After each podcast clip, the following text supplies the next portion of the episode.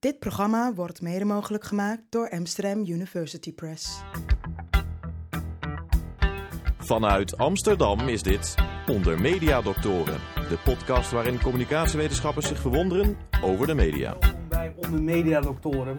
Het is deze maand precies 407 jaar geleden dat in Venetië een boek werd gepubliceerd, De Sterrenboodschapper. Uh, een boek dat geschreven werd door de Italiaanse astronoom Galileo Galilei. En hij beschreef wat hij zelf had gezien in een telescoop. Uh, vlekken op de zon, bergen op de maan en nieuwe sterren in het melkwegstelsel. De moderne sterrenkunde was geboren.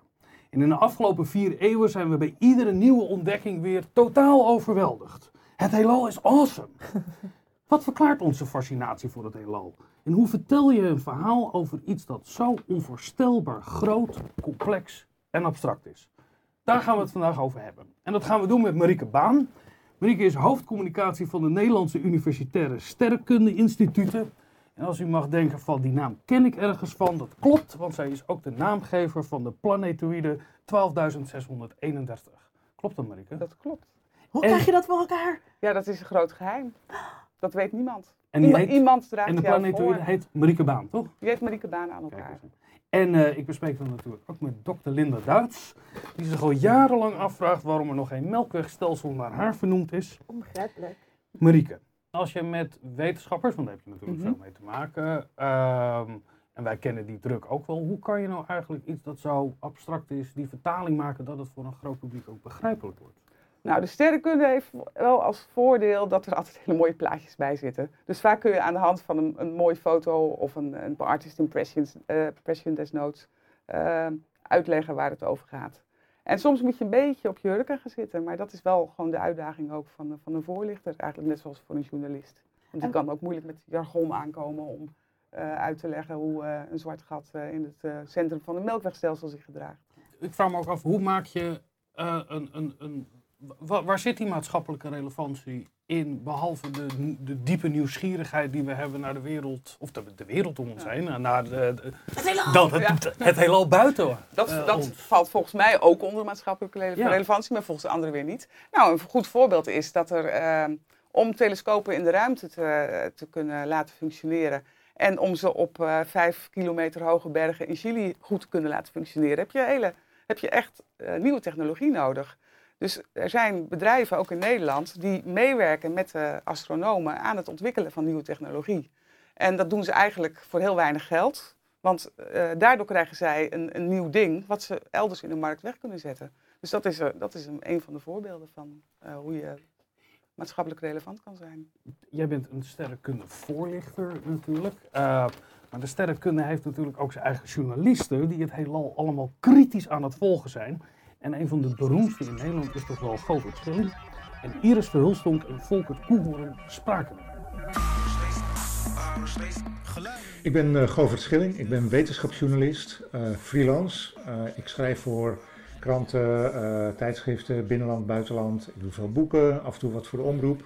En alleen maar als het over sterrenkunde gaat. Vaak bij die programma's wordt er juist een mix gemaakt door de onderzoeker uit te nodigen. Dus bijvoorbeeld een eh, beroepsastronoom. En dat wil je natuurlijk ook hebben, want die staat met zijn in de modder. Die doet het echte werk, die heeft de ontdekkingen gedaan. Die weet er precies eh, van de hoed en de rand. En je hebt ook een beetje die autoriteit nodig natuurlijk. Maar ik denk dat het wel goed werkt, zeker in die, eh, in die talkshows, om er iemand bij te hebben die eh, precies begrijpt wat de gemiddelde tv-kijker wel en niet aan kan. En soms kan aanvullen of soms ook omdat hij zelf niet bij, ik dus, hè, omdat ik zelf niet bij een bepaald onderzoek betrokken ben, dat je er wat vrijer over kan spreken. Dus die wisselwerking, dat vind ik juist altijd wel leuk. En als je daar wel in je eentje zit, heb je dan het idee dat, je, dat er soms informatie verloren kan gaan omdat je het op een simpele manier brengt? Nou, daar ben ik niet zo bang voor. Ik, eh, ik heb vaak bij de omroep, dus zeker bij de radio, maar ook wel bij televisie, denk ik van ja, weet je, ik, ik, eh, ik heb eigenlijk dezelfde rol als een NOS-correspondent in Berlijn heeft als het om Duitsland gaat. Er gebeuren in de Duitse economie gebeuren er allerlei dingen. Heb je niet altijd de minister voor de camera. Dan kan de correspondent Duitsland, die kan dat goed duiden. Die weet, van de, die weet precies de achtergronden. En die kan dat voor zijn doelgroep heel goed uitleggen. Nou, zie mij maar als eh, correspondent heelal. Ik ben nog nooit iemand tegengekomen die zegt, oh, dat heelal, dat interesseert me echt helemaal niks. Die mensen zijn er niet. Iedereen kent dat gevoel van s'nachts uh, naar buiten kijken, zomers voor je tentje in Frankrijk, een beetje filosoferen over die, uh, over die sterren die je ziet, glaasje wijn erbij, nadenken over je eigen plaats in het grote geheel, over hoe dat allemaal zo ontstaan is. Het zijn wel de allergrootste vragen die de mensheid zich altijd gesteld heeft. En ik denk dat dat het spannende is wat sterrenkunde zo fascinerend maakt. En er komt nog één ding bij, vind ik ook heel erg leuk. Sterrenkunde is een onderwerp, kun je als een nadeel zien. Het heeft namelijk heel weinig met ons dagelijks leven te maken. En dan kun je aan de ene kant zeggen, ja, wat moeten we daarmee? Maar aan de andere kant is het voor veel mensen in deze hectische informatiemaatschappij ook wel eens heel lekker om je te verdiepen in een onderwerp waar je geen mening over hoeft te hebben, waar je geen standpunt over hoeft in te nemen, wat niet invloed heeft op je dagelijks leven, wat gewoon heerlijk is om iets meer over te weten te komen. En ik denk dat die vrijblijvendheid van de astronomie, dat dat ook een deel van de charme is. Ja, de aandacht in de media voor de sterrenkunde, daar klaag ik zeker niet over. En je kunt zeggen, ja, dat dat, dat dat voor een deel aan mensen zoals ik ligt, maar ik denk dat dat wel meevalt. Volgens mij, als, als, als ik er niet zou zijn, zou dat gewoon doorgaan, want het onderwerp vraagt erom. Uh, dus die aandacht die is wel ruim, ruimer dan voor andere wetenschapsgebieden. Maar ik snap dat ook wel om dezezelfde redenen. Want ook binnen redacties, en, uh, en, of een presentator of een, uh, of, een, of een krantenredactie, die hebben diezelfde vragen. En het is voor een deel is het ook een beetje ja, dat is misschien een beetje een tricky woord, maar het is voor een deel ook verstrooiing. Hè? Het is een beetje zoals je in de kranten ook over kunst schrijft. Zo schrijf je ook over wetenschap. Het is allemaal niet verschrikkelijk maatschappelijk relevant. Er gaan, ja, op sommige uitzonderingen na, er gaan geen gigantische bedragen in om. Er, zijn geen grote, grote misdaden spelen er niet. Het heeft geen invloed op, op, op de politiek. Maar het is uh, iets wat het leven van ons als samenleving verrijkt dat, dat is het geval met kunst, dat is het geval met wetenschap. En sterrenkunde is, is dan, iedereen weet dat, dat dat de fantasie prikkelt. Want het gaat over, is er leven op Mars? Wat gebeurt als je in een zwart gat valt? Uh, is er een rand aan het heelal? Hebben we die donkere materie al gevonden? Dus uh, ja, ik kan me wel voorstellen dat, dat redacties daar wel snel op, uh, op inspringen. Nee, ik vind helemaal niet dat het publiek dom is. Ik, ik denk alleen maar als ik probeer een vertaalslag van wetenschap naar de krant of naar de radio te maken, probeer ik me alleen maar voor te stellen hoe het voor mij zou zijn als ik consument zou zijn op een heel ander vakgebied. Ik weet bijvoorbeeld helemaal niks van uh, microbiologie. Uh, ja, ik, ik heb iets van, of, of genetica of zo. De term chromosoom ken ik, maar als ik nu aan jou zou moeten uitleggen wat is precies een chromosoom, dan moet ik toch weer eventjes Wikipedia erbij halen.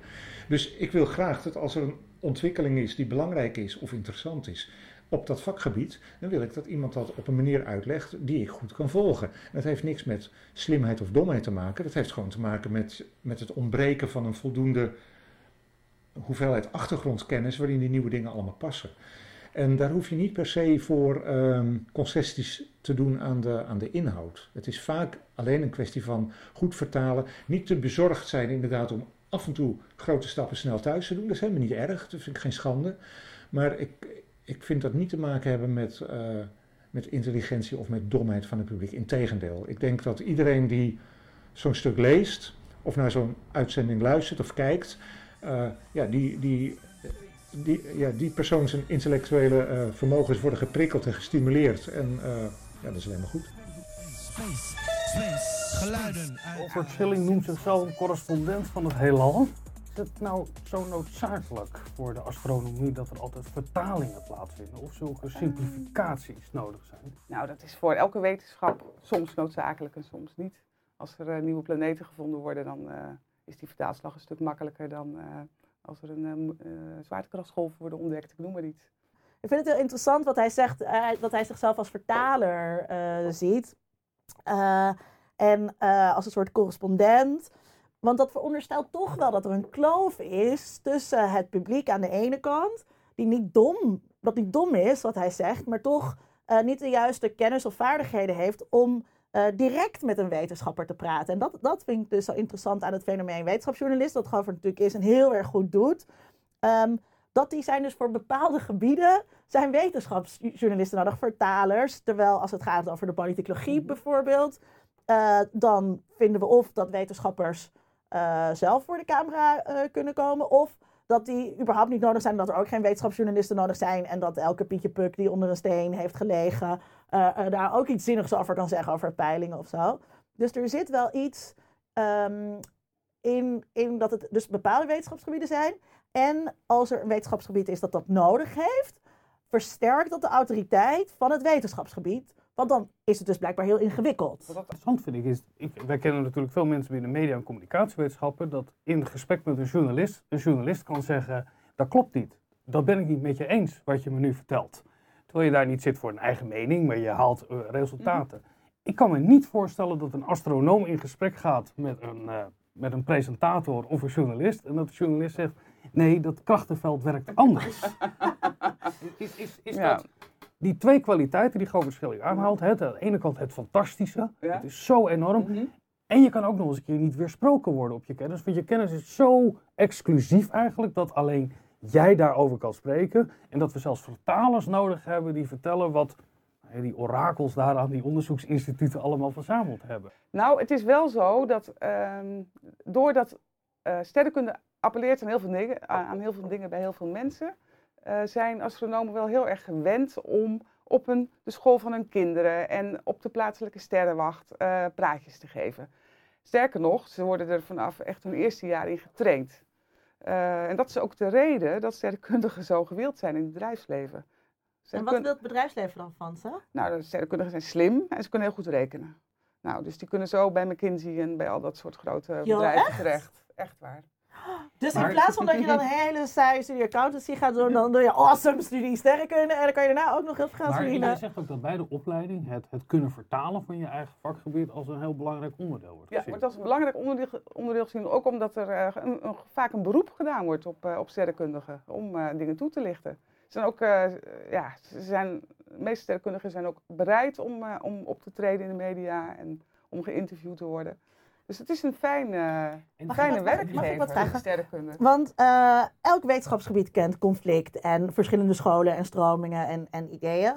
Ehm, zie je nou ook dat eh, sterrenkundigen in de media daar met elkaar over in discussie gaan? Dus gebeurt het ook wel eens dat je iemand uit de ene school tegenover de andere school ziet en dat er toch iets ontstaat van, hè, maar wat jij zegt dat klopt niet, of ik heb een ander idee van wat die zwarte gaten eh, precies doen. Dat gebeurt zelden. Wat wel gebeurt, is dat eh, de sterrenkundigen zeg maar, in zo'n situatie geraken met bijvoorbeeld de theoretische natuurkundigen hè, en de Ah. kosmologen. Dat, dat, kosmologie dat hangt een beetje tussen de sterrenkunde en de theoretische fysica in. Ehm, een goed voorbeeld is wel dat in de sterrenkunde in de meeste wetenschappen ga je pas iets publiceren als wetenschapper of erover communiceren. Je gaat pas bijvoorbeeld een persbericht doen als voorlichter als een eh, resultaat geaccepteerd is voor publicatie. Maar het grote publiek en de bloggers en iedereen heeft de archive ontdekt. En daar wordt het, komt natuurlijk in principe alles meteen op als het gesubmit is bij een, eh, bij een, een vaktijdschrift. Eh, dat in de- in want dat de werkt in de beta-wetenschap net iets anders dan in de, in de humanities volgens mij. Ja? Eh, dat er bij eerste resultaten wordt het al direct eh gecoind als wij zijn hiermee bezig. Is dat wat er... Ja, dat, dat gebeurt goed? in de sterrenkunde ook. Soms, als Ja, het echt, echt ja. groot nieuws is, dan, kun, dan wordt het wel eens een beetje uh, terug. Dan wordt het pas later, zeg maar, op, het, uh, op die preprint server gezet, gezet. Maar in principe, als je het submit naar een paper, staat het ook op het archive.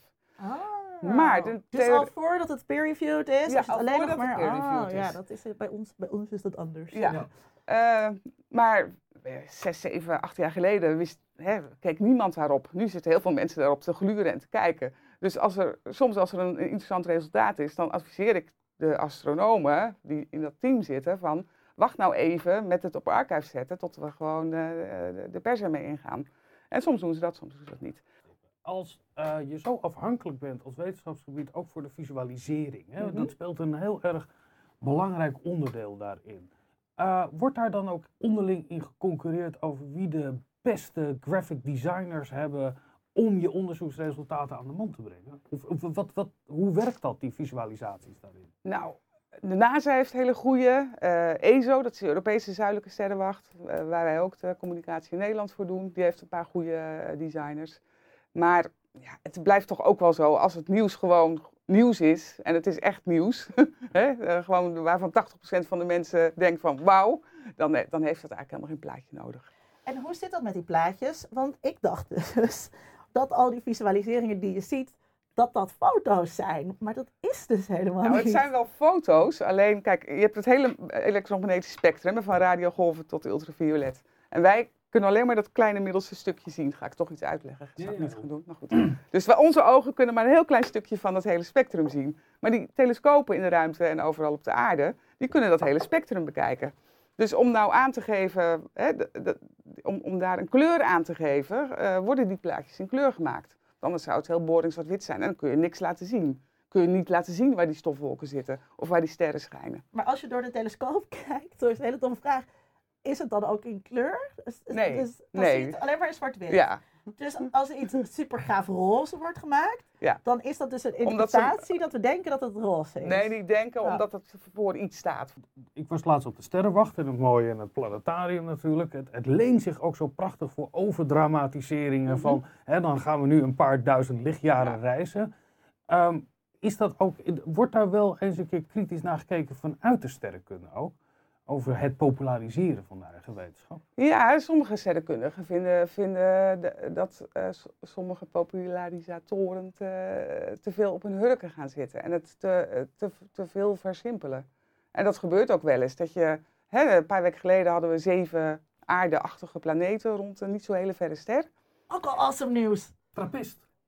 Heel goed. Ja. eh, van de Belgen. Ehm, maar dat zijn eigenlijk geen aardeachtige planeten. Ze zijn ongeveer even groot als de aarde. Maar, maar drie van die zeven zijn misschien aardeachtig, want waarschijnlijk eh, van, van steen. Oké. Eh, dus je gaat heel snel ga je een stapje te ver in je communicatie. En heeft dat ook een relatie met science fiction? Want we hebben natuurlijk, eh, mensen hebben een verbeelding al over, Ja. over het heelal, die heel erg komt uit Ja. science fiction. Ja. En dat ik denk dan dus meteen, oh, dat zijn M-class planets eh, uit Star Trek. Wat, wat, wat- hè, de, de aanduiding die zij gebruiken voor bewoonbare planeten. Ja, ja. Eh, en ik denk dat heel veel mensen, net als eh, warp speed en zo, op het moment dat we dat gaan uitvinden, gaat het ook warp speed heten. Dus is daar een soort wisselwerking ook tussen science fiction en ehm, werkelijkheid? Nou, ik denk dat de science fiction een beetje de, de verwachtingen te, te, te hoog stelt. Dus dat we heel vaak mensen toch moeten teleurstellen. Want als er dan ja, planeten worden ontdekt, ja, wij weten nog helemaal niet zoveel van die planeten. Niet of ze een atmosfeer hebben, wat daarin zit, wat zou kunnen duiden op het voorkomen van leven, noem maar op. Eh, en elke keer als NASA weer zegt van persconferentie, belangrijke ontdekking, eh buitenaards, eh, buitenaardse ontdekking bijvoorbeeld. Ja, dan weet je, oh, gaan we weer. Marieke, eh, het heelal vinden we super gaaf. Eh, maar is de aarde nou eigenlijk de allerbeste planeet die er is? Dat weten we nog niet. Dat weten we nog niet. Eh, Prins en Tom Almoes hebben zich deze vraag ook gesteld en maakten daar het volgende over.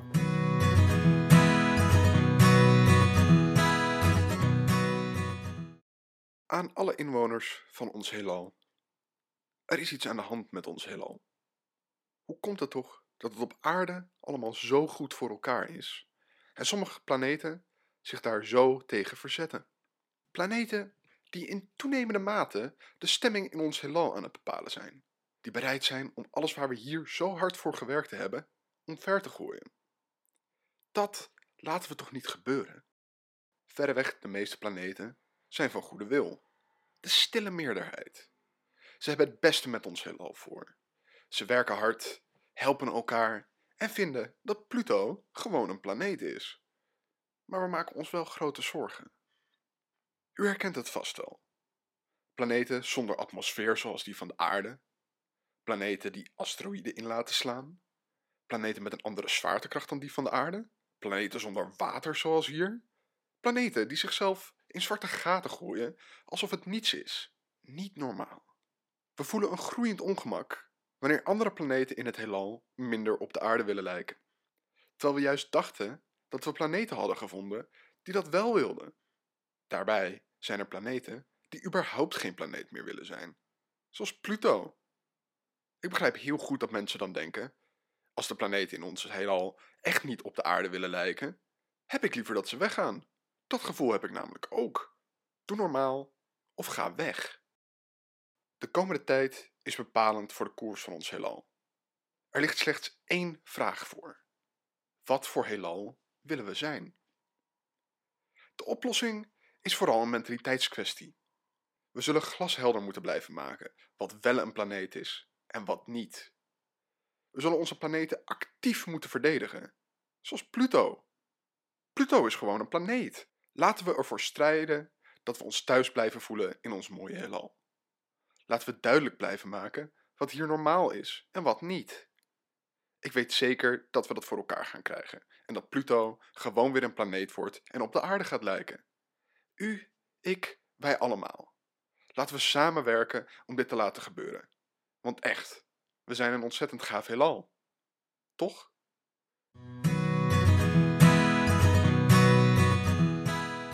De sterrenkunde lijkt mij een, een, een hele internationale gemeenschap Ja. voor mensen die daarin eh, samenwerken. Ja. Toch hebben we gezien bij de NASA dat het Mhm. op een hele nationalistische manier Mhm. dat wordt ingezet. Je haalde al Europees voorbeelden aan. Dat de Amerikanen. Is er een politiek belang van het heelal? Oeh. Ik weet het niet. In, Ja, in die, nee, dat weet ik niet. Of dat er nu nog is.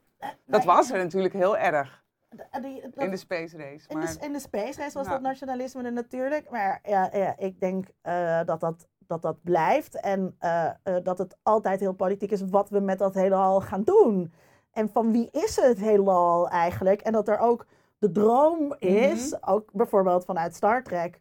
Eh, en dan maar het idee, nee, maar het idee dat, eh, ehm, eh, eh, dat zodra wij in contact komen met, met buitenaards leven of met anderen, dat wij onze eigen geschillen Mhm. overkomen. En, en dat, dus de, dat, dat politieke aspect zit er heel duidelijk in. En ik denk dat daarom ook mensen zo graag kijken naar dat heelal. En dat daar toch een soort toekomst in besloten ligt. Ja. Eh, waar we naar verlangen. Waar, waar we verder gaan dan Ja. onze petty nation states. Maar dan heb je het over de, de ex- ex- exploratie van Mars en zo, en de kolonisatie van Mars. Maar als je kijkt naar wat er kan in het heelal en waar we heen kunnen en hoe we dat kunnen gaan doen, het kan niet meer zonder samenwerking. Hè, dat kon in de jaren 60 wel, maar dat, dat kan nu niet meer. Dus in die zin is het, natuurlijk is het politiek en iedereen wil altijd de eerste en de beste zijn en eh, de eerste en uh, buitenaards leven hebben ontdekt. Maar die samenwerkingen die zijn zo internationaal. Er is niet één sterrenkundig project waar, een- waar een land eens eentje in zit. Maar, maar dat is Dus toch- het is. Maar zijn sterrenkunde, is dat dan een soort ideale internationale Ja, gemeenschap nou- die voorbij zijn aan deze een- lage emoties van Voor nationalisme? een deel is dat wel zo. Dat is een hele hechte eh, club, die eh, internationale sterrenkunde. Ja. ik, ik denk dat we zo langzamerhand ook komen tot het, tot het einde waar we trachten de vraag te beantwoorden die we ons aan het begin hebben gesteld. Namelijk, kunnen we iets verklaren over die fascinatie van het heelal?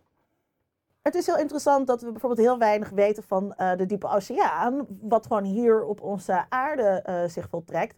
Wat ook wel interessant is, maar wat niet eh, dat idee heeft van dat het nieuwe mogelijkheden gaat ontsluiten. En die belofte heeft het heelal, denk ik, heel erg. En dat we heel veel dingen nog niet weten over hoe zaken in het heelal werken.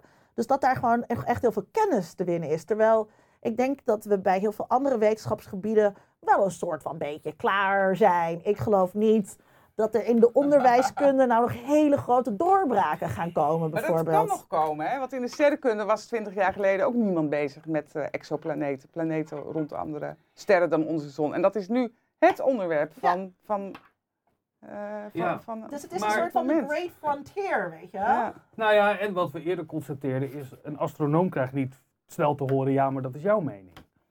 Hè, dat, dat, dat, het onttrekt zich ook op een gegeven moment, wel op een bepaalde manier, om het tot een discussie te maken. Behalve of Pluto nou een planeet is of niet. Eh, daar, daar zijn voor, heer, dames en heren hebben dat op een gegeven moment toch besloten, als- alsof het een soort eh, bijeenkomst is. Marieke, ook voor jou de vraag. Als je dat zou moeten beantwoorden, en eigenlijk is dit je dagelijks werk. Wat verklaart die fascinatie voor ja, voor toch onze plaatsen in de ruimte en de tijd. En eh, wat ik net ook zei, dat eh, het idee dat je met z'n allen op dat speldenknopje in dat enorme uitgestrekte heelal zit. En van de ene kant relativeert dat heel erg, hè, van ja, wat doet dat er eigenlijk allemaal toe wat wij hier doen. Van de andere kant moet je blij zijn, zolang wij niet weten of er elders in het heelal ook dit soort idioten rondlopen als hier eh, op aarde. Eh, laten wij er dan gewoon het beste van maken. En ik denk dat, dat, dat Waanzinnig gaaf Misschien is. niet, niet de fascinatie is van heel veel mensen, maar dat zou het wel moeten zijn eigenlijk. Dames en heren, u we luisterde naar de 52e aflevering van Onder Media Doctoren. En we zijn ontzettend benieuwd naar wat jullie van ons vinden. Dus stuur, stuur ons een keer een mailtje. Ga naar ondermediadoktoren.nl. Ik wil heel hartelijk bedanken Tom, Volkert, Narien, Pim, Iris. Ik bedank natuurlijk Linda en uiteraard ook Marike Baan. En aan iedereen die heeft geluisterd, tot een volgende keer. Onder Mediadoktoren is een podcast van Vincent Kronen en Linda Duits. Meer informatie vindt u op ondermediadoktoren.nl.